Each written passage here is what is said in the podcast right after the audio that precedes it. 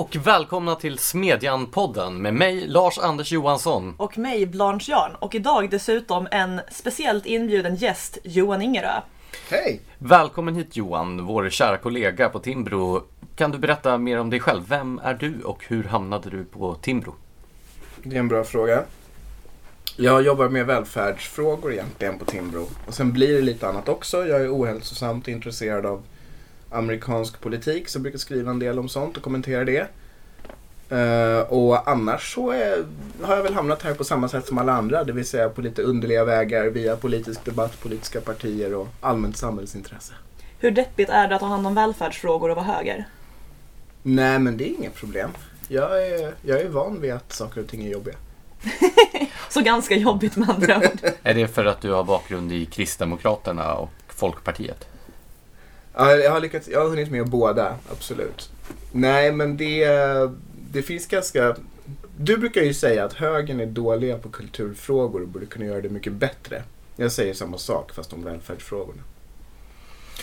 Så eh, om du bara skulle beskriva din ideologiska resa då, från folkpartist till kristdemokrat till eh, Timbro-torped? Mm. Timbro-torped? okay. Det är så vi alla ser dig. Ja, jag förstår.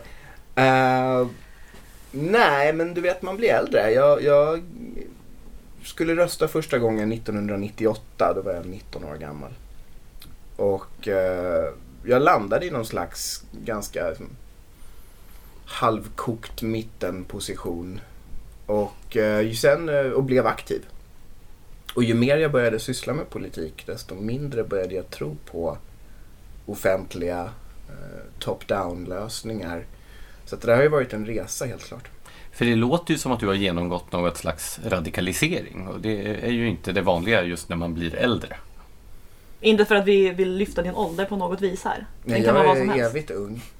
Men... Um, nej, men ja, radikalisering.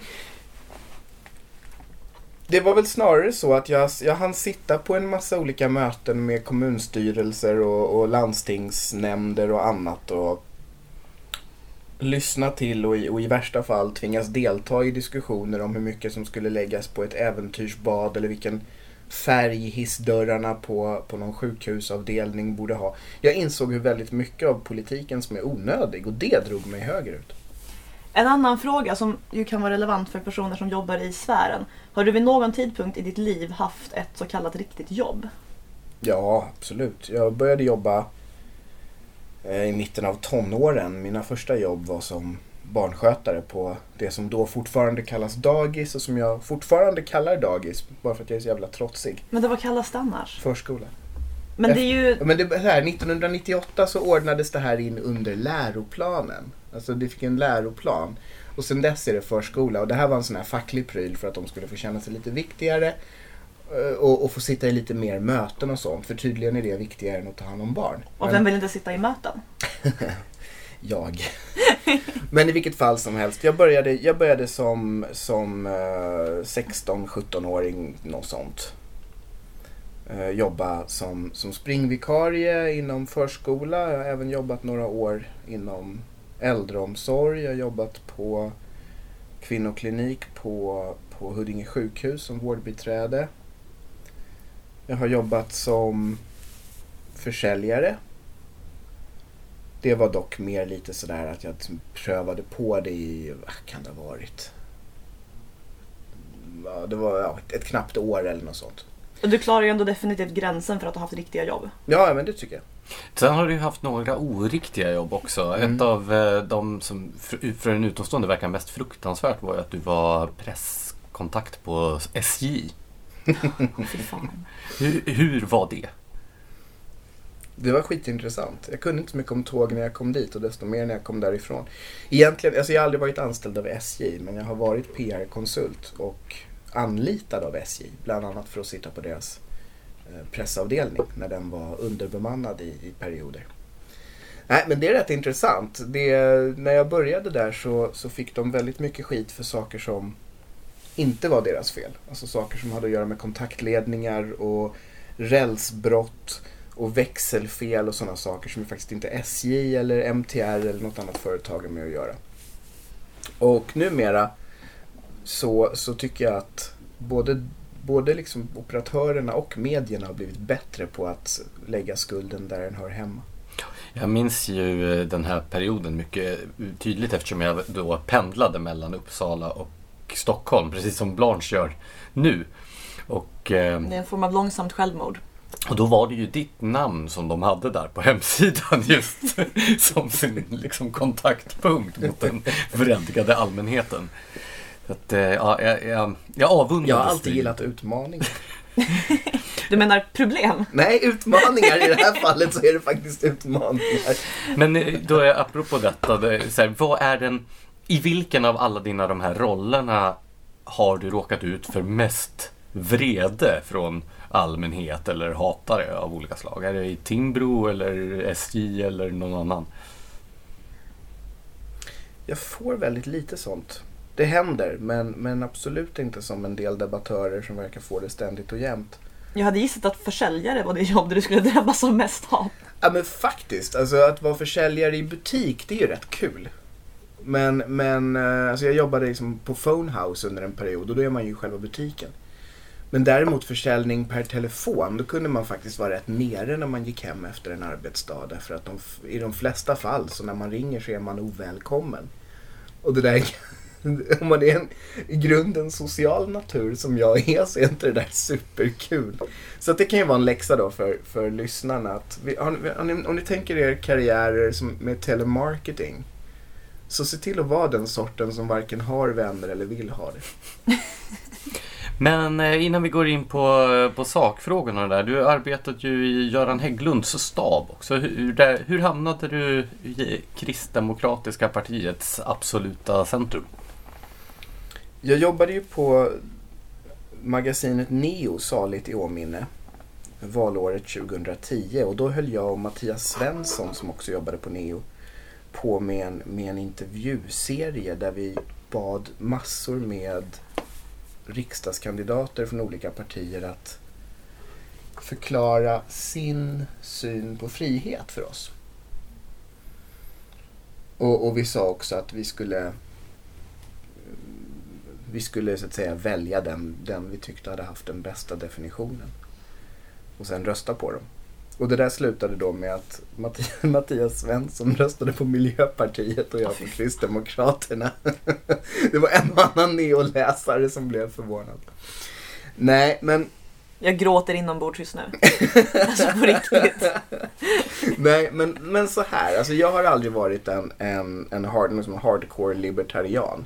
Jag, jag kanske betraktas som det av folk vänsterut, men det är ju i den svenska kontexten. Och i Sverige är det liksom, med Sverige som referenspunkt så är det inte jättesvårt att framstå som libertariansk faktiskt. Va? Utan jag, har, jag har alltid liksom funnit, jag, jag är liksom klart till höger, absolut, men, men inte liksom ultraradikal. Och en viktig skillnad för mig mellan den bredare mainstream-liberalism och kristdemokratin, det var att kristdemokraterna fattade att det finns kollektiv och gemenskaper som är frivilliga. En fråga som väldigt aktivt drev bort mig från liberaler, det var allt jävla tjat om att eh, jag och mina barns mor skulle tvingas av staten att dela upp vår föräldraledighet exakt likadant. Men familjer är inte likadana. Och sen så säger då den traditionella folkpartisten säger då till mig att Ja men det, fi- det finns ju inga andra försäkringar som du bara kan föra över till någon annan sådär. Nej men det finns ingen annan det finns inget annat åtagande som är så gemensamt heller som att skaffa barn. Det är någonting man gör med någon annan. Det här är en blind fläck för massor av liberaler. Och det är en typexempel på en sorts fråga som drev mig mot kristdemokratin. Och hur blev du rekryterad? Du skrev en debattartikel, var det inte så? Nej. Eh, jag fick inte veta förrän långt senare faktiskt hur jag rekryterades. Men, men eh, jag blev uppresat som ledarskribent på Svenska Dagbladet och blev uppringd av Göran Hägglunds dåvarande stabschef. Och han frågade rätt upp och ner om jag ville bli presschef. Och jag, fråg, och jag, liksom, jag svarade för vad? Jag, fatt- jag fattade inte. Jag säga, Är det riksdagskansliet eller vad? Liksom? Nej, det är partiledarstaben. Jaha, okej, shit. Um, okej, eh, jag vet inte. Och han bara, vi kan väl diskutera över en lunch. Har du tid imorgon? så, ja, så att på den vägen var det. Men, men honom hade jag ju i alla fall lärt känna därför att när jag och Mattias gjorde den här granskningen i Neo av olika frihetsbegrepp så hade, var min slutsats att att eh, Sara Skyttedal, då var hon väl vice ordförande i KDU tror jag, var den som på ett väldigt bra sätt prickade ett frihetsbegrepp som jag kände igen, mig i. Men vad tycker du om KD idag? Har, det liksom, har allt fallit som ett korthus sen du lämnade eller finns det fortfarande någonting kvar av värde? Eh, nej, jag tycker, jag tycker att de är i stort sett på rätt spår. Eh, de har ett slags perspektiv på de frågor de driver hårdast, alltså välfärdsfrågor. Som ligger visserligen klart till höger men som har en annan ingång än den här liksom rena funktionsdebatten som finns mellan liksom, till exempel då socialdemokrater och moderater. Men det är klart att det är liksom vem som helst som kan läsa opinionsmätningar kan se att KD har problem. Och det är heller ingen, ingen hemlighet alls att partiet är väldigt splittrat kring eh, migration som ju kommer bli centrala frågan i det här valet. Kommer det klara 4%-spärren? Jag vet inte, jag hoppas det. Om de inte klarar 4%-spärren, är det här det sista vi ser av Kristdemokraterna i svensk politik? Jag tror att det parti som lämnar riksdagen nu kommer vi inte se i riksdagen igen. Det gäller vilket parti det än är. Vid ett tillfälle har ju ett parti åkt ur och sen kommit in igen. Det är Miljöpartiet som åkte ur 91 och kom in 94. Men, men jag tror inte att det kommer ske igen. Partierna är fler idag, medierna är snabbare idag. Man blir väldigt mycket snabbare inaktuell idag. Det är ju eh, båda dina gamla partier som riskerar då att åka ur från den borgerliga sidan. Ja, behåll mig är väl läxan. Fast riskerar verkligen Folkpartiet på riktigt att åka ur? En sista fråga om eh, Kristdemokraterna då. I, härom veckan så lanserades Kristdemokraternas vallåt. Det är, eh, det är Roland Utbult, riksdagsledamoten, som eh, har varit till Nashville och spelat in då i Legend-studion där såväl Johnny Cash som Willie Nelson har spelat in skivor tidigare. han har spelat in med musiker som har jobbat med Johnny Cash och Willie Nelson. Så om du skulle recensera den här vallåten, du är ju musiker själv. Med reserv... Ja, det var ju länge sedan. Men ja, okej. Men med reservation för att Roland Utbult och jag inte har exakt samma musiksmak. så tycker jag att den här är, är faktiskt väldigt rolig. Jag hörde den första gången i, här igår kväll här och jag tror jag hann lyssna på den någonting i stil med 9-10 gånger i alla fall innan jag la mig. Och eh, den sätter sig. Det är lite som knark alltså. Man vet att det kan döda en men det är skitsvårt att sluta. Och eh, Nej men alltså Roland är ju, är, är ju, han, vad man ska veta om honom är att han har ju hållit på med musik väldigt, väldigt länge. Han har spelat med, med flera liksom, svenska toppartister, han har släppt väldigt många skivor. Han är väldigt känd i frikyrkosverige för sin musik primärt. Så att man kan garva åt det här om man sitter och jobbar med media i Stockholm. Men, men i Göteborgs skärgård där han har sin väljarbas, där flyger det här väldigt bra. Vad jag tar med mig från det här är att Roland Utbult är farligare än knark.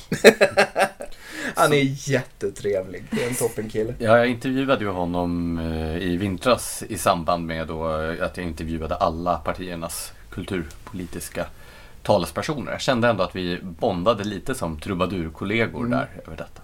Men då kan vi alltså konstatera att om KD nu lämnar rikspolitiken så gör de det i alla fall med flygande fanor. Ja, med, med helt klart en... Vi har ju inte... Det är liksom, vi har ju inte lidit någon jättebrist i Sverige på plågsamma kampanjlåtar. Men det är ju ingen annan som har flugit över Atlanten och satt sig i Legend-studion för att spela in. Det är ju liksom, det är only Roland. Ska vi då gå in på de lite tyngre ämnena? Du är ju välfärdsansvarig på Timbro och en stor del av det arbetet går ju ut på att försvara systemet med eh, alltså friskolesystemet och eh, möjligheten för företag att gå med vinst i den här sektorn. Och eh, då föranleds ju vi då från ett frihetligt perspektiv att fråga oss varför är det så viktigt att företag ska kunna göra vinst på skattepengar? Därför att annars får du offentliga monopol. Du Om du tittar inom, inom ramen för vad som är realistiskt. Det är klart att om man sitter vid ett skrivbord eller något sånt där. Man kan hitta på precis vilken lösning som helst. 100% privat finansiering. Absolut, det går.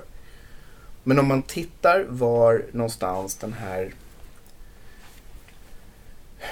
Ja, den tid och plats då den här diskussionen kom igång första gången. Det är alltså på första halvan av 1980-talet i Sverige som det här börjar bli en diskussion. Och vid den här tiden så är, är Sverige extremt monopoliserat. Du kunde alltså få böter för att du köpte en bärbar telefon utomlands och tog in den i landet. Det är... Jag tror all, alltså alltid när man tittar på en politisk lösning då måste man fundera över i vilken miljö har den bubblat fram. Och det här var ett sätt att bryta ett monopol, ett klienttänk i offentlig sektor. En väldigt auktoritär uppifrån och ner modell där, kommunal, eller förlåt, där, där skolstyrelsetjänstemän, som det hette på den tiden, satt alltså med, jag skojar inte nu, satt med passare och kartor och hittade fågelvägen vilken skola som var närmast för ett enskilt barn och sen placerades man där. Och ville man byta skola för att man inte gillade pedagogiken, för att man var skit utanför på skolgården eller hade någon annan typ av problem. Då fick man gå med mössan i handen till de här tjänstemännen och motivera det. Och, och jag har kompisar som gick igenom den här processen. Och det, det var liksom... De här, alltså folk kunde liksom, de här statsanställda då, de satt och, och liksom, varför skulle du vilja gå någon annanstans? Den här skolan ligger mycket längre bort. Det är väl bättre att du går här med dina kamrater. Men skulle och, man inte... då, så jag, det, jag, det jag försöker säga med det här är att det har aldrig legat på kartan att ha, att ha en, en eh, 100% privat modell. Det här är en pragmatisk lösning som syftade till att bryta ett fruktansvärt stelbent monopol. Fast nu har du förklarat varför den uppkom, men är det fortfarande försvarbart idag bara för att det var ett rimligt sätt att bryta ett monopol på 80-talet? Nej men jag kan gärna rulla vidare. Jag är helt okej med att någon skola vill införa eh, någon typ av avgiftssystem och så vidare. Då, eh, om, någon, om någon kan klara sig med det så, så visst, gärna för mig. Jag tror dock in, jag tror att de själva skulle säga att det är ganska svårt. Även avgiftsskolor dyker upp i en viss kontext så att säga. Och i och med att vi har den skattefinansiering vi har här så är det ganska svårt för en sån verksamhet att starta. Men jag har verkligen ingenting emot det. Men eh, då vänsterkritiken går ju ut på att det här är skattepengar som är avsatta för Eh, skolverksamhet och som då går till privata företags vinster. Ja, vi har ju hört de här argumenten många gånger. Vad är, hur försvarar du då det systemet mot den kritiken? Ja, egentligen så tycker jag väl att oavsett om man är vänster eller höger, så länge man är för någon typ av beskattning. Det vill säga om man inte är ultralibertariansk eller eller, eller liksom råkommunist så att man är emot skatter av det skälet. Därför att man är emot inkomster helt enkelt. Så tycker jag att man har, men, men vi övriga 99,7 procent, sorry Blanche, vi kan ju någonstans enas om att de pengar vi betalar vill vi ha maximal utdelning för. Får vi då det i ett system utan vinster? Jag vill mena att allting talar för motsatsen. Om vi tittar på hur det fungerar i sjukvården, om vi tittar på hur det fungerar i skolan, om vi tittar på hur det har fungerat i, i äldreomsorg. Så skulle jag säga att det, det är väldigt uppenbart att vinstfrånvaron gjorde att pengar sköttes dåligt och att varje problem sågs som ett uttryck för att man hade för lite pengar och så var skatterna tvungna att gå upp. Men eh, här skulle ju då vänsterargumentationen invända att ja, men det faktum att det går att plocka ut pengar till vinster betyder ju att de här pengarna så hade ju kunnat återinvesteras och göra ännu bättre eh, att det finns ett utrymme att göra ännu bättre skolundervisning då. Och det görs ju i praktiken också. Vad de här friskolorna till exempel gör det är att inte nog med att de startar nya skolor men det är också en fråga om att bygga de faktiska byggnaderna. Och det gäller ännu mer om man tittar på, om man tittar på äldreomsorgen. Vi kommer ju behöva någonstans mellan 30 och 60 000 fysiska nya platser för äldreomsorgen under de kommande 10-12 åren. Vem ska bygga de här?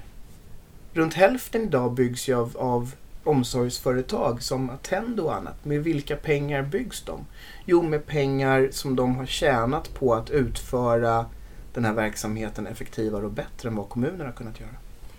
En annan då argumentation mot det systemet den kommer ju snarare från det frihetliga hållet eller det mer libertarianska hållet. Och det är att den här typen av eh, vouchersystem snarast är något slags funktionssocialism eftersom det ändå är skattepengar som flyttas runt.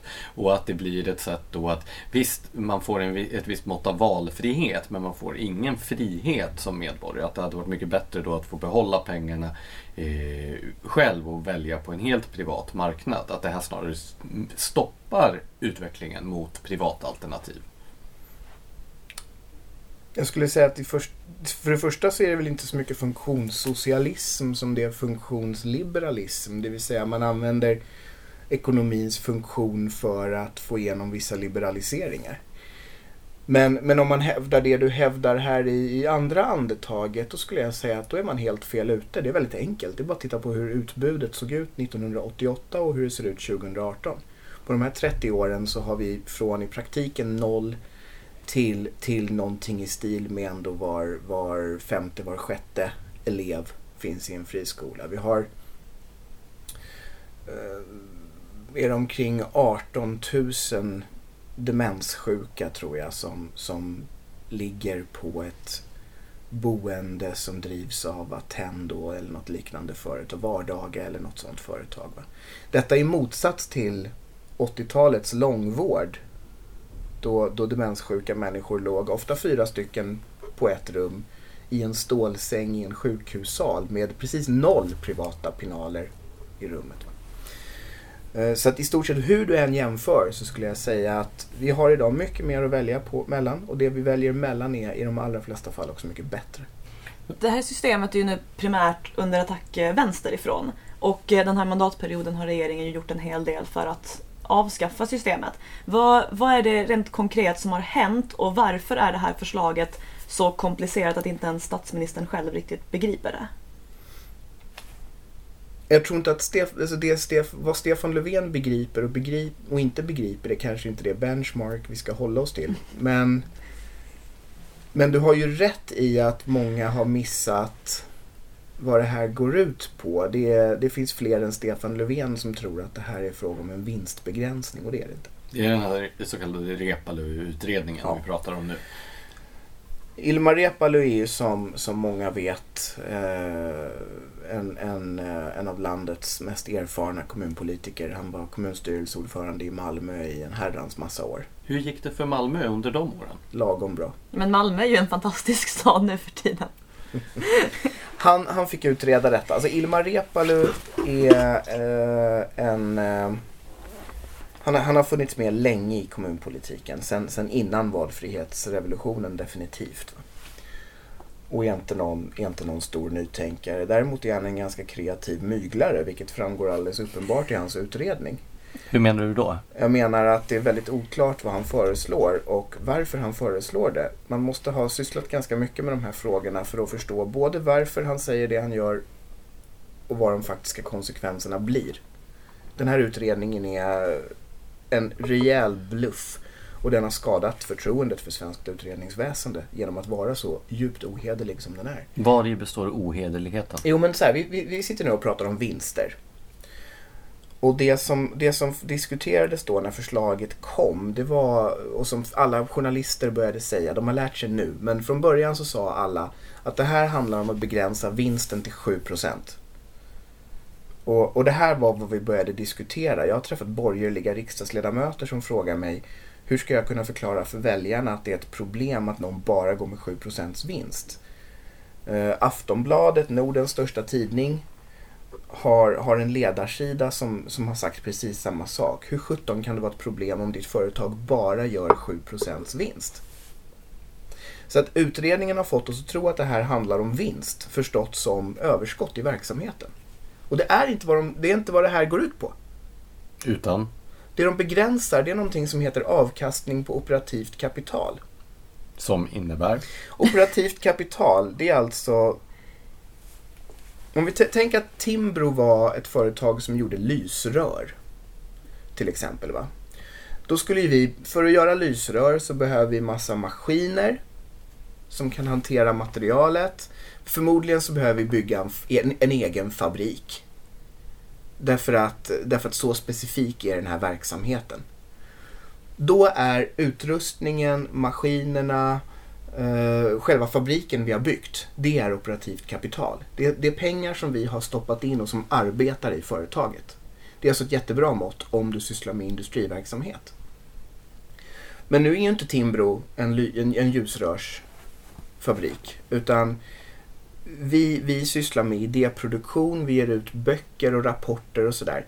Vi har inte speciellt mycket utrustning. Vi har lite datorer, vi har den här mikrofonen som vi sitter och pratar in i och lite sånt. Men, men den stora kostnaden med Timbro, det är ju inte vår utrustning utan det är ju vi. Det är våra löner. Och så är det också när du driver äldreomsorg. Så är det när du driver en skola. Det som kostar är personalen. Eh, och personal är inte operativt kapital. Så att när man säger 7% på operativt kapital.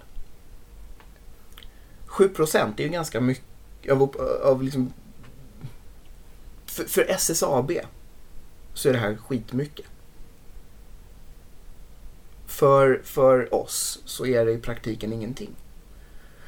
Och, och, många, många friskolor och så här, de har ju negativt operativt kapital. Hur kan det vara negativt? För att de till exempel hyr, de flesta skolor äger inte sina egna lokaler, de hyr dem.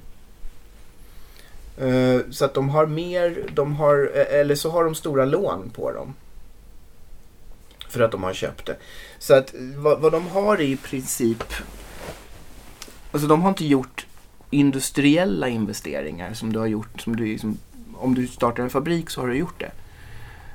Uh, men, men de här 7 vinsten som vi pratar om då för, för friskolor och sånt. Det, den finns inte i den här världen. utan vad innebär vad är det för begränsning som föreslås då? Nu har vi ju ja, det, du ska, det, alltså det, du ska få, det, det som ska få vara...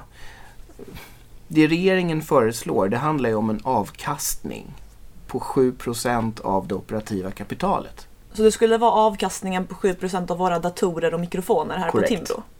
Jag tror inte avkastningen på våra datorer är jättehög. Nej, och dessutom sjunker, alltså så här, den, det, sån här utrustning har ju, det är som mjölk va, den, den tappar värde ganska snabbt. Mm.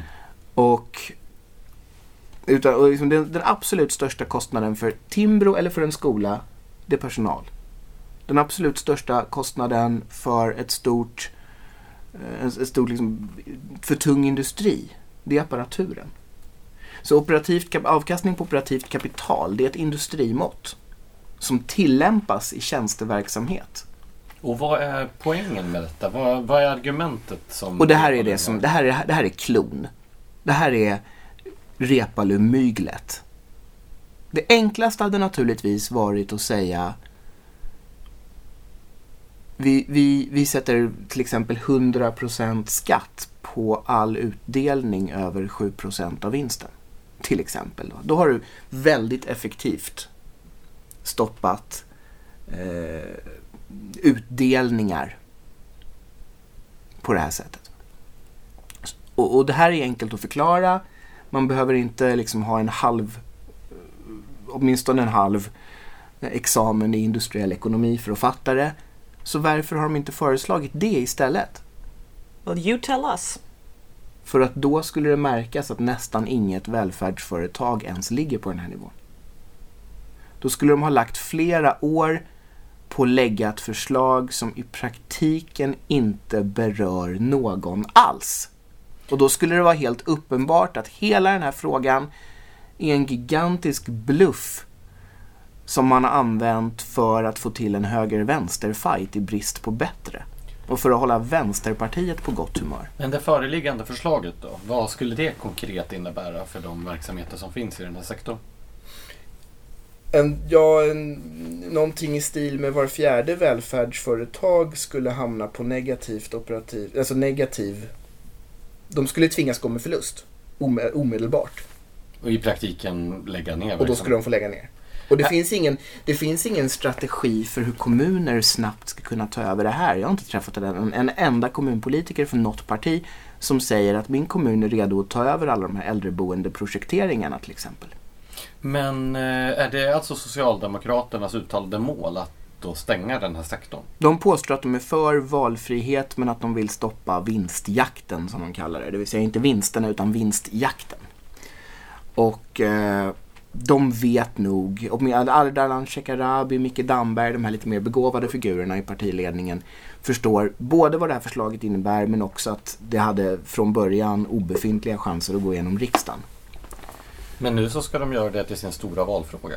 Ja, och det är det jag menar att det här, det är liksom vad ska de annars gå till val på? Det här är en av de minst lyckade mandatperioderna för en svensk regering någonsin sett till vad de har lyckats med eller fått igenom och så vidare. De behöver en vänster-höger-fight. De behöver en fråga där de kan hindra LO-väljare från att fortsätta sippra iväg till, L eh, till Sverigedemokraterna. Och, och, och det här är den strategi de har valt. Men man ska vara medveten om att det här är en riktig jättebluff. De har ljugit något så otroligt. Jag har ingen annan, jag har ingenting att jämföra med i svensk politik när det gäller hur de har betett sig i den här frågan under den här mandatperioden. Men det var väl förra valrörelsen när Socialdemokraterna slog fast att man då ville behålla friskolesystemet? Som det var? Eller var det Nej, de började prata om vinstjakt då. Det var före förra? Ja, det är före, det är före valet 2014. Däremot så sa ju Stefan Löfven när han var precis ny partiledare 2012 att det går inte att sätta vinsttak på det viset. Det blir en meningslös lek med ord, sa han i oktober i Aktuellt-studion. Och, eh, och, att, och att det var liksom viktigare att granska kvalitet och så. Men så att han, han ändrade sig någon gång före valet 2014 när de blev rädda att förlora för mycket till, S, äh, förlåt, till Vänsterpartiet på den här frågan. Så det här blir alltså en valfråga för att alternativet är att göra som Miljöpartiet och välja det enda man inte har misslyckats med den här mandatperioden och gå till val på att förbjuda sugrör. Korrekt. Men om vi då, om vi bortser från det faktum att det här tycks vara en bluff och att det skulle få förödande konsekvenser för sektorn om det implementerades. Tror du att det är en vinnarfråga rent eh, valstrategiskt för Socialdemokraterna? Inte hittills. Den var ju het i valet 2014 men de partier som drev den, det vill säga S och V, de tjänade ingenting på det. Men då fanns ju inte det här förslaget heller. Nej, men uh, förslaget har nog tvärtom varit en nackdel för dem. Socialdemokraterna har tappat väljare sedan det, här, sedan det här presenterades. Sverigedemokraterna som har gjort en usväng i frågan från negativa till vinster till mer positiva. De har ju ökat kraftigt under samma period. Beror det här på vinstfrågan? Nej, det tror inte jag. Utan när, när vänstersidan säger att det finns en stor folklig majoritet, inklusive bland borgerliga väljare, mot vinsterna. Så har de rätt i det. Eh, men, men de berättar inte hela sanningen. Eh, att göra opinionsmätningar och opinionsanalys det är betydligt mer komplicerat än att man ställer en fråga. Så ja, går man ut till, till 2000 slumpvis och statistiskt utvalda svenskar och frågar ska företag få göra vinst på skola och äldreomsorg? Så svarar väldigt många spontant nej.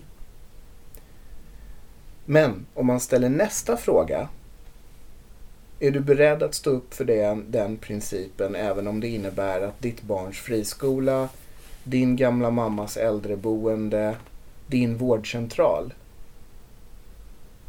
antingen liksom, ja, försvinner i nuvarande skick eller, eller lämnas över till kommun eller landsting eller något sånt där. Då väljer folk sin valfrihet framför principen mot vinster. Så hur hänger det här ihop? Det är ju helt motsägelsefullt. Och när man säger, ställer den tredje frågan, kommer det här styra hur du röstar i nästa val? Så är svaret från de allra flesta nej. Så då, folk bryr sig inte? Nej. Ja, fast man är väl rätt trött på vinster i välfärdsfrågan vid Däremot laget. så blir, alltså, och, det, men, och det här fattar ju sossarna också. Vad man än tycker om dem så har de en ganska sofistikerad opinionsavdelning där på 68. Eh, men de har inte så mycket annat att driva så att de, de lägger ganska många ägg nu i den här vinstkorgen och tänker att kan vi liksom bara få upp konfliktnivån här då kanske det kan leda till att vi får lite mindre diskussion om invandring och integration och, och sånt istället. Men, men jag tror inte att det här kommer funka. Därför att frågan är för teknisk och har för många bottnar för att vara en slam dunk för stora och breda väljargrupper. Men ibland gör det en så här klassisk socialdemokrat-grej och eh, går ut och lovar lite extra pengar istället till vården. Hur funkar det? Åh, gud. Ja, alltså. Svensk sjukvård har inget större problem med finansiering. Vi har problem med hur pengarna används. Vi har 20 stycken regioner och landsting som bedriver sjukvård. Av dem så är det i stort sett bara Stockholms landsting som klarar av att, att, eh, att försörja sig självt. Övriga är mer eller mindre beroende av statliga pengar, alltså statsbidrag. Staten skjuter gärna till de här pengarna men inte utan krav på motprestation. Så att förmodligen medan vi sitter här så pågår det nu ett, ett möte på socialdepartementet. Jag har själv varit med i många sådana. Där det sitter då företrädare för departementet, företrädare för, för SKL, alltså Sveriges kommuner och landsting. Och, och kanske en del landstingspolitiker och diskuterar vad staten vill att landstingen utför för de pengar som staten skickar. Och bland annat vill staten ha en massa redovisning av varenda krona och landstingen säger ja det fixar vi. Och alla, alla som jobbar i den här världen vet att den här, de här redovisningarna är rätt mycket bluff. Eh, men, men, men det stora problemet är ju egentligen att någonting som staten vill och sen förhandlar om pengar med ihop med SKL ska sen tas av landstingspolitiker skickas ner till sjukhusledningar, implementeras på vårdgolvet. Alltså det här... Det, det är så många steg att väldigt mycket försvinner på vägen. Så hur ska man använda de här vårdpengarna rätt för att bli av med de här ganska enorma köerna som finns i den svenska sjukvården idag? Det bästa vi skulle kunna göra det är att helt enkelt fimpa landstingen. De har ingen plats längre. De, jag förstår logiken när vi införde dem, men vi införde dem i mitten av 1800-talet. Det fanns inte ens narkos på den tiden. Idag är sjukvård jätte high-tech. Va?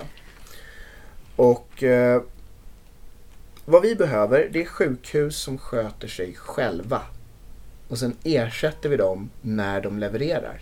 Hur menar du sköter sig själva? Vem ska vara huvudman för sjukhusen menar du? Alltså, man, kan ha, man kan ha till exempel då i brist på landst eller i, i, i, eh, Frånvaro. i, i lycklig frånvaro av landsting så skulle vi kunna ha staten som den, alltså, den reglerande nivån, absolut. Och så är det ju delvis idag också. Eh, Men, men utan de här olika produktionsenheterna på landstingsnivån så skulle sjukhusen Alltså läkare, avdelningschefer, sjukhusdirektörer och sånt skulle kunna sköta mycket mer av sin verksamhet själva. Själva ta ansvar för effektivitetsförbättringar. Därför att som det är nu så ligger vi 20-30% under Danmark, Norge och Finland i ren produktivitet. Och sen så, förlåt, sista poängen det är att staten ska ge dem pengar när de levererar. Göran Persson stoppade in alltså, rena fantasisummor, över 60 miljarder i landstingen mellan 2000 och 2006 och hoppades att de skulle få ner köerna. Och, och, och, det, och köerna sjönk inte, inte ett dugg. Det var liksom inte ens en repa i lacken. Men det är väl den generella svenska lösningen på problem inom välfärdssektorn? Och det är det, var liksom, man- det var ju det Blanche frågade här för typ tre kvart sedan innan jag började ranta om det här. Så sa ju, frågade ju Blanche, vad är grejen med de här pengarna till sjukvården? Ja, det här är grejen med pengarna till sjukvården. Det är en del av samma slöseri. Men att man då satsar extra resurser på det som inte fungerar. Mm. Här har vi ju sett, nu har ju då Alliansen bestämt sig för att lösningen på skolans problem är att man ska tvinga då alla att gå ytterligare ett år i den icke fungerande Mm. skolan. Det är samma typ av... Och det är samma typ av lösning. Men hur ser du på det norska systemet där de har då att eh, då specialistsjukvården är eh, förlagd på ett antal statliga centralsjukhus Mm. medan primärvården är kommunal. Det vill säga ingenting är Den på är- regionnivå. Nej, Norges landsting heter ju då Fylken, det tycker jag är jättegulligt. Och det är Eh, alla hobbitar. Ja, precis. Där har, där, har- där har de sina hobbitar. Så att hobbitarna i fylkena skötte då sjukvården i Norge fram till ungefär millennieskiftet och de hade precis samma problem som vi. Gigantisk pengarullning, gigantiska vårdköer, sjunkande förtroende.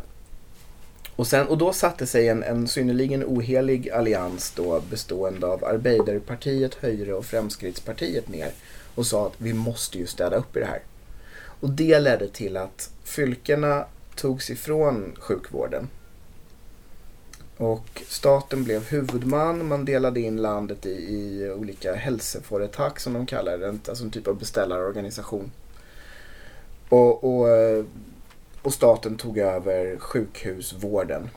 Sen har du rätt i att kommunerna är tech, liksom, formellt ansvariga för vårdcentralerna, men de allra flesta vårdcentraler i Norge drivs av företag. Är de ändå skattefinansierade? Ja. Så det, Det är samma som vi har. Alltså. Det här eh, som har varit väldigt eh, omdebatterat nu de senaste åren med eh, stängningen av BB i Sollefteå. Och det har varit kvinnor som har varit tvungna att föda barn i bilen för att de inte har hunnit in till sjukhuset och så. Hur ser du på den, den debatten? Var det rätt eller fel av Socialdemokraterna att stänga BB i Den är Sollefteå? jättekomplicerad. I grunden så köper jag delar av vad Socialdemokraterna säger, nämligen att det finns inte befolkningsunderlag för den här typen, för, alltså för, för så många sjukhus. Det stämmer när det gäller nästan all typ av vård. Kruxet med förlossningsvård är att vi bestämmer liksom inte när barn föds. Utan de sätter igång den processen själva när de har tröttnat på att ligga där inne helt enkelt. Och det gör då att, att själva planeringsbiten när det gäller förlossningsvård, det är något helt annat än att planera en operation eller att eh, ha en viss, eh, förber- en viss beredskap för, för influensa eller någonting. Det vill säga, här vet vi att det kommer men det, men det kan diffa liksom på två veckor plus minus när det kommer. Och därför menar jag att förlossningsvård, där får man helt enkelt finna sig i att då, då får det kosta lite mer. Och det sker genom att man prioriterar annat. Så, alltså, så enkelt är det. Annat går att prioritera om därför att, eh, förloss, därför att det ligger i sakens natur. Eh, jag måste invända mot en sak som du sa lite tidigare, det här med att det skulle vara ett bristande befolkningsunderlag. Eh, jag skulle snarare säga att, eh, för jag har sysslat en hel del med glesbygdsfrågor och det man kan se det är ju att befolkningen har ju inte alls minskat särskilt mycket på landsbygden under de senaste hundra åren. Det som händer är ju att centralorterna och storstäderna växer. Att befolkningsökningen sker i, i, i tätorter. Men på landet så är Ja, befolkningen... och mer eller därutöver har du väl en demografisk förändring. Som har, och, som, så, och den demografiska förändringen påverkar dina möjligheter att rekrytera personal. Jag tror snarare det är en annan, eh, annan process som ligger bakom den här förändringen. Nämligen det faktum att vi sedan 50-talet konsekvent har gått till större och större politiska enheter. Både vad gäller kommuner och vad gäller eh, landsting, regioner. Vilket i sin tur har gjort att inom varje sån här enhet så har man hela tiden sett stordriftsfördelarna. Så att det är ju inte befolkningsunderlaget som har förändrats utan det är ju större politisk enhet desto lättare har det blivit då för de centralt placerade tjänstemännen att säga att nej men vi ska inte ha byskolor, vi ska inte ha vårdcentraler där ute, vi kan bussa eh, barnen och gamlingarna in till centralorten istället. Och sen läggs samhällsservicen ner. Och att det kommer då centralt ifrån, inte från då att befolkningsunderlaget minskar. Sen minskar befolkningsunderlaget som en följd av detta, för ingen vill bo kvar i byn när det varken finns vårdcentral eller, Eller eller skola.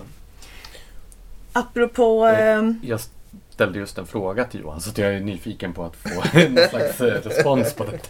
Jag tänkte att Blanche skulle baila ut mig här. inte en chans.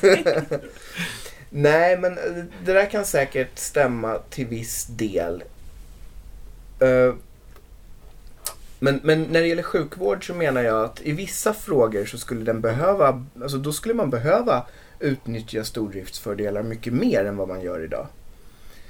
Eh, och i andra delar så behöver man precis tvärtom, alltså en, en, en mer återgång till lokalsamhället som du är inne på.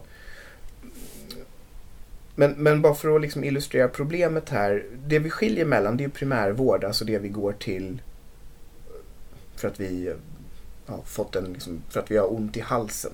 Alltså en vårdcentral. Finns Och sen- det folk som går till vårdcentralen för att de har ont i halsen? You have no idea.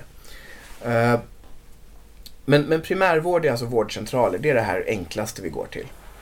Och sen så finns den specialiserade sjukhusvården. eh, och specialistkliniker och sådär. Men, men problemet i Sverige är att primärvården funkar ganska dåligt. Så att folk tar sina onda halsar och går till akutintagen. På SÖS, på Salgrenska och så vidare. Så att vi har fått en väldigt sjukhustung sjukvård i Sverige. Eh, och det, det är ett av skälen till att sjukhusvård är så ineffektivt här. Eh, ska sjukhusvården funka bättre då, då måste primärvården förbättras först. Den har inte särskilt hög status. Är du läkare så vill du helst inte vara på prim, i primärvården. Du vill till sjukhusen. Så här är det inte i länder som har löst sina vårdproblem. I, I Frankrike så har man en väldigt väl fungerande primärvård och det gör att sjukhusen avlastas och gör det de ska göra, nämligen de här, alltså det är så, alltså specialistvården. Eh, och franska primärvårdsläkare de har sina liksom, egna lådor och sina egna doktorsväskor och de tjänar multum. Det, det ska man ha klart för sig. Svenska läkare är ju som liksom, studentekonomi jämfört med franska läkare. Och det gör att, att det här liksom primärvårdsslitet, det upplever franska läkare att det är värt det. Medan i Sverige så har vi inte det. I Sverige så är det liksom systemen som får kosta snarare än läkarna. Och, och då är inte vårdcentralerna populära och då försvinner läkarna därifrån. Och då försvinner också den lokala förankring du är inne på. Nu Blanche. Nu har jag helt glömt vad jag pratade om innan. Men eh, jag kom, Hårdrock. säkert. Jag kom dock ihåg en grej. Jag satt igår och eh, scrollade igenom programmet för Almedalen. Eh, och eh, ett av de mer spännande rubrikerna jag såg på ett seminarium var eh, MC-ambulanser för minskad mödradödlighet. Och då tänkte jag ju direkt på Skellefteå, även om det visade sig gälla u-länder i Afrika. Men Sollefteå. så, Sollefteå och Skellefteå är olika städer. Jag är skåning, okej? Men fine, det är olika städer.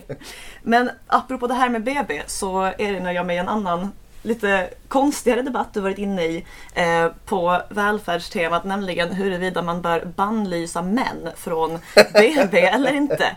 Eh, utgångspunkten förstår jag var ett citat av Malin Lernfeldt, krönikör i Expressen, som skrev Det som en gång var en trygg kvinnovärld har invaderats av män som ska pinka in sitt revir. Det får en ju att undra vad män egentligen gör på BB. Det låter ju väldigt obehagligt. Jag vet. Ja, Ohygieniskt kul. också. Ja, jag gick igång på den där artikeln. Det ledde till, jag, jag hade någon Twitter-rant om den och det ledde till att vi hade en debatt i, i P1 Morgon ihop. Och äh, äh, det där, det är ju så löjligt. Det är så löjligt. Anledningen till att det finns män på BB-avdelningar idag som regel. Det är ju att Alltså män som jobbar där. Nej, alltså pappor. Barn, de nyfödda barnens pappor, de är med. Ja, eh, det här är alltså ett problem. Eller, Ja, för feminister, inte för mig. Jag Fast- är ju konservativ så att... fast Men vill inte feministerna Jag trodde, ja, att eh, män skulle in på alla ställen där de inte har Nej, varit. feminister är för att staten bestämmer vem som är... Vem som, hur man delar upp föräldraledigheten men tycker uppenbarligen att det är ett problem när män invaderar BB-avdelningar där deras, där deras fruar och nyfödda barn finns. Det låter ju logiskt. Men vad är problemet? Ja, ja vi får fråga Malin Lernfeldt.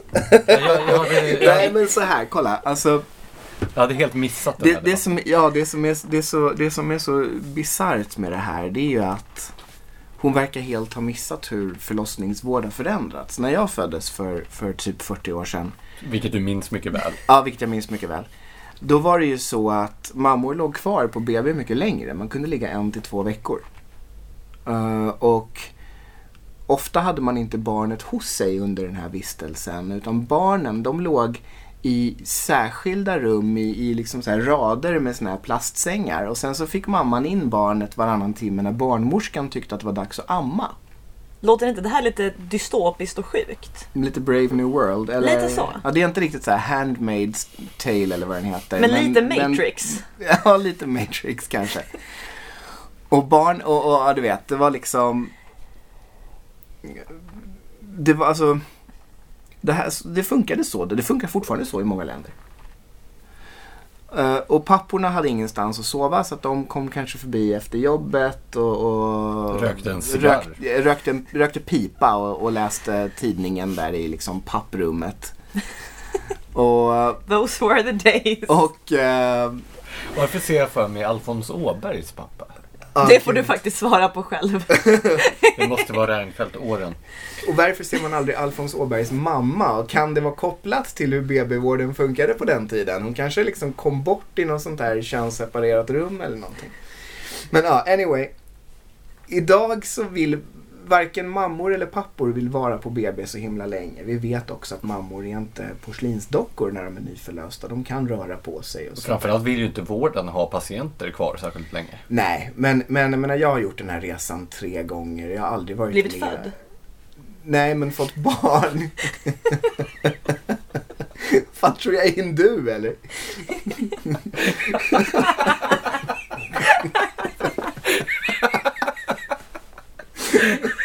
Okej att jag är 25% indier, men jag är inte reinkarnerad.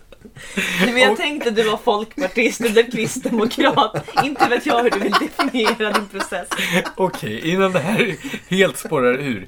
Va, hur har förlossningsvården förändrats? Jo, alltså.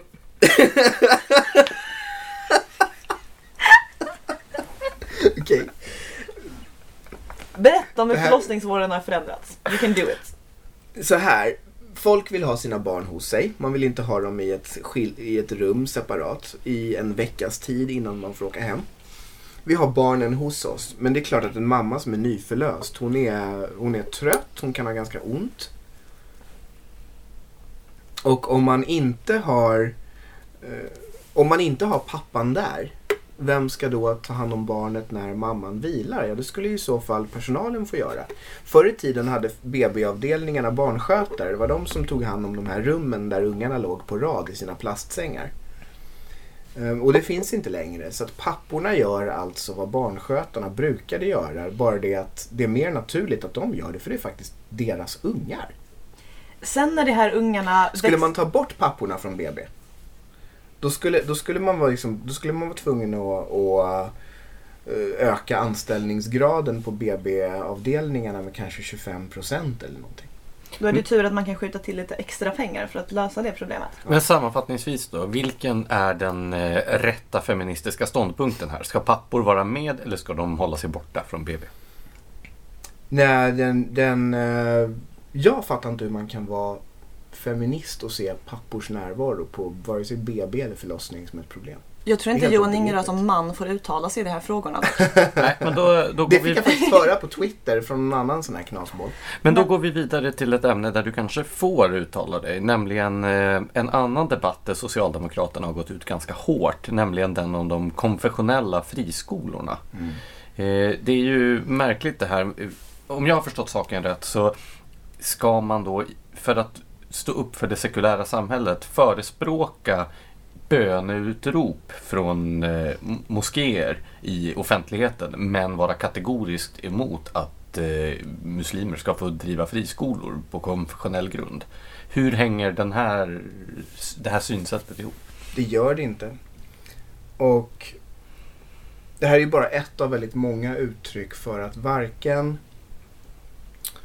eh, höger eller vänster, gall eller tan, eh, öppna hjärtan eller stängda gränser, var vi än befinner oss i de här var vi än befinner oss på de här skalorna så, så har vi inte liksom landat vad det innebär att vi har en jättestor andel av befolkningen idag som är antingen själv utom utlandsfödd eller, eller har liksom, kanske en generation från att vara det.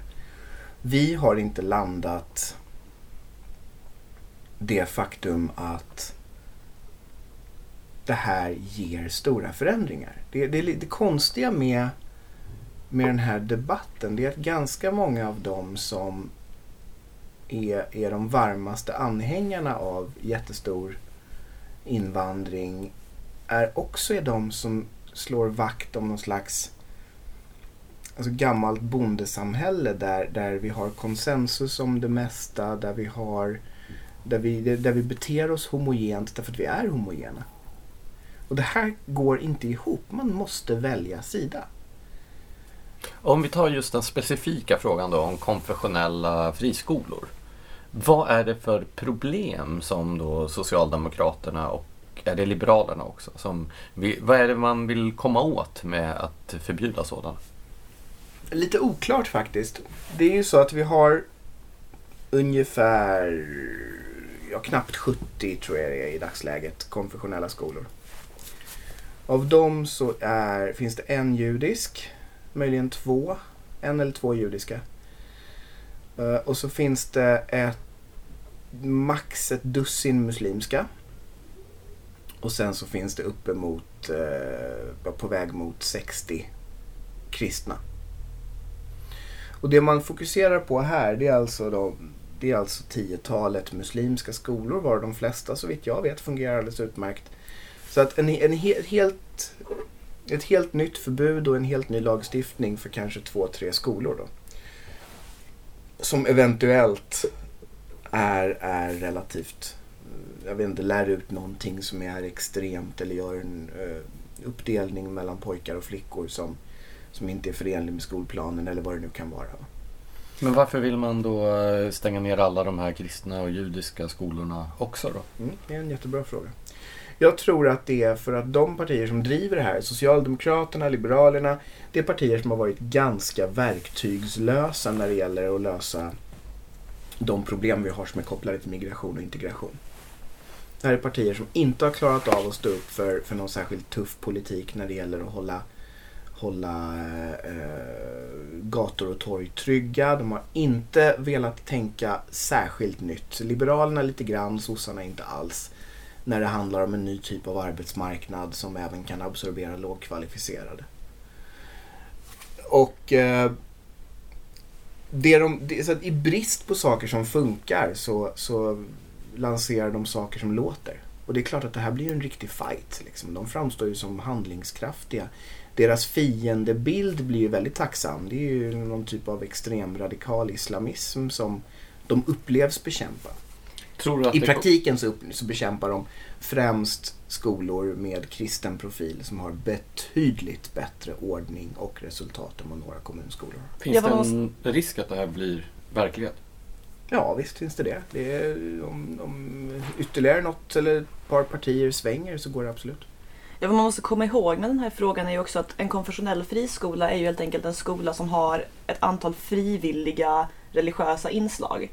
Som man inte ens behöver delta i, men så här, kanske en morgonbön eller någonting. Och sen har man kanske en kristen värdegrund då som utgångspunkt för skolarbetet, men den skiljer sig väl inte så jättemycket från Skolverkets värdegrund egentligen. Nej. Och för judar och muslimer kan det handla om att, att eh, helgdagar som, som går oss i det svenska majoritetssamhället förbi uppmärksammas i skolmiljön på samma sätt som, som vi har julpyssel och, och, och julsånger och sånt i, i, i vår skola. Där har vi ju det stora integrationsproblemet.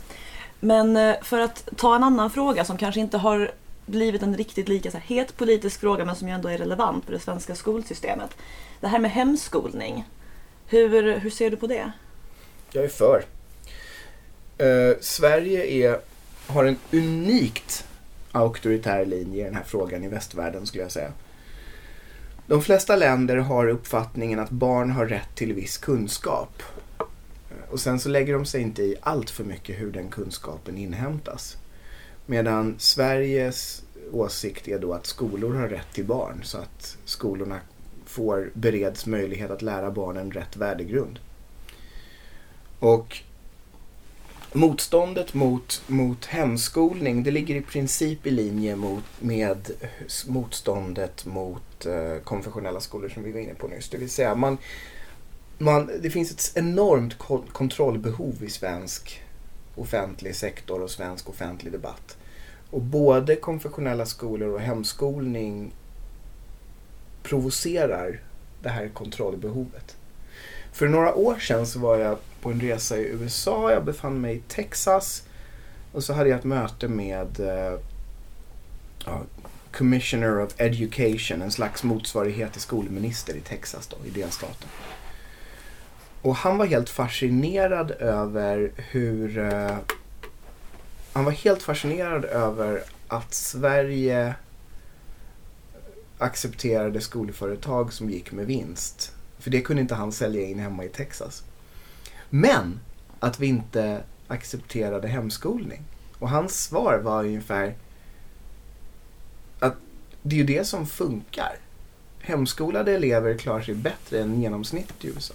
Ja, och då har USA ändå förmodligen en bättre skola än vad vi har i Sverige. Att Det är jätteolika ska sägas. Men, men alltså USA har ju både betydligt bättre och betydligt sämre skolor än vad vi har.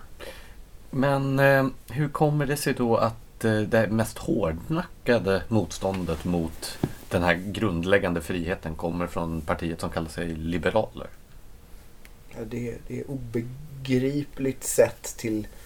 Alltså utifrån någon slags ideologiskt perspektiv så är det väl obegripligt. Men det är mer en kulturell fråga. Alltså våra partier är inte bara... De, de, de färgas inte bara eller ens primärt av sina ideologier. Utan det finns mycket annat i svensk partikultur. Och i, i, i Liberalernas partikultur så ligger en traditionellt hög nivå. Alltså det, det här brukade... För, förr i tiden var det ju känt som lärarnas parti. Och, och det finns en slags eh, beskäftighet eh, där man nästan sätter en ära i att gå emot en del folkliga opinioner bara för att betona hur himla rätt man själv har. Vi ser det ganska mycket i Europadebatten nu från dem till exempel. Så vad man gör om man vill hemskola sitt barn i Sverige är alltså att fly till Åland i princip. Ja, Där det, finns det ett antal familjer som har gjort. Mm, precis, jag läste något reportage, tror det var förra året. Eh, och det enda jag var lite besviken på var att de flesta inte hade lämnat det svenska skolsystemet för att det är så himla dåligt utan för att det fanns för mycket teknik i skolan som kunde typ steka barnens hjärnor eller någonting. Men, men förutom det så gillar jag ju verkligen initiativet att fly till Åland. Mm. Vill du tillägga något mer i de här frågorna? Slänga in något molotovcocktail, en brandfackla eller så? Nej, inte mer än att jag, jag tror att alla de här partierna som är väldigt upptagna av sin egen godhetsprofil. Om de vill börja leva upp till det här någon gång, då måste de faktiskt inse att folk kommer att bete sig och önska väldigt olika saker. Ingen nämnd, ingen glömd.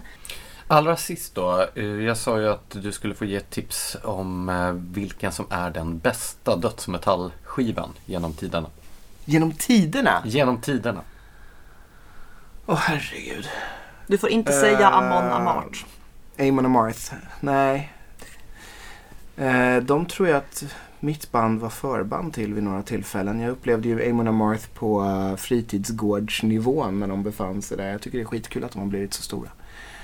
Eh, Men de är inte bättre än Dismember. nej, de är inte bättre än Dismember. Dismember är bland den liksom första dödsmetallen som jag som jag eh, upplevde där i, i tidigt 90-tal och då hade inte Amon Amarth bildats tror jag. De bildades väl där omkring 92-93 tror jag. Men då har vi alltså en konsensus mot Ivar Arpi. Här inne i alla fall.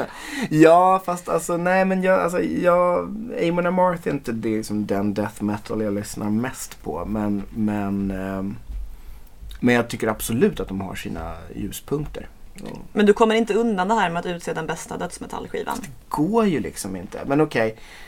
Eh, D-Sides andra skiva Legion från 1992 är en sån där som alltid kommer spela jättestor roll för mig. Jag minns hur jag lyssnade på den första gången och jag kunde bara inte liksom fatta hur det är fysiskt möjligt att spela de låtarna så snabbt. Sen finns det en del annan sån här liksom ganska tidig dödsmetall som, som eh, som, som alltså Slowly We Rot av Obituary och sånt där som man tyckte var svincoolt när man var 13 men som kanske inte är riktigt lika ja, snurrar inte så ofta nu längre det händer ju ganska, alltså det har kommit nya grejer som har varit bra också. Men, men eh, ska jag flagga för någonting som släpps snart så är det ju att Immortal snart kommer med en helt ny skiva. Det är ju mer Black and Death men, men det, det jag har hört från den hittills det låter väldigt, väldigt lovande. Tack för detta kommande skivtips och tack för att du gjorde oss sällskap i Smedjan-podden, Johan Ingre. Tack för det.